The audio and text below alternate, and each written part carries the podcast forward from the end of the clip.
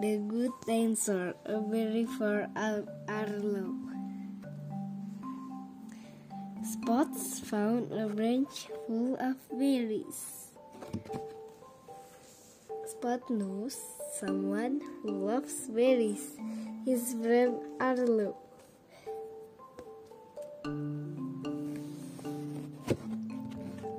Trouble is,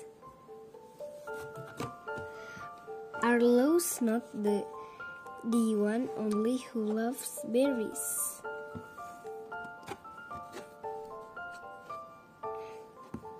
Little critters love berries too.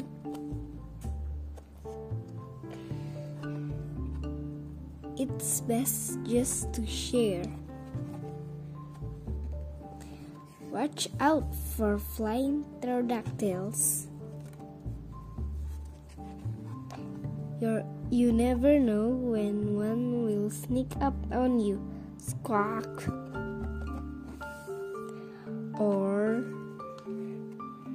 roar. Wah! Ew. A rare few don't care about berries and just want to have fun. Those sneaky rustlers are the worst. Lucky for Spot, they'll settle for fruit.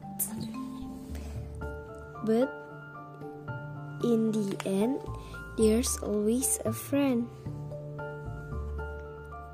and Arlo is a very good friend.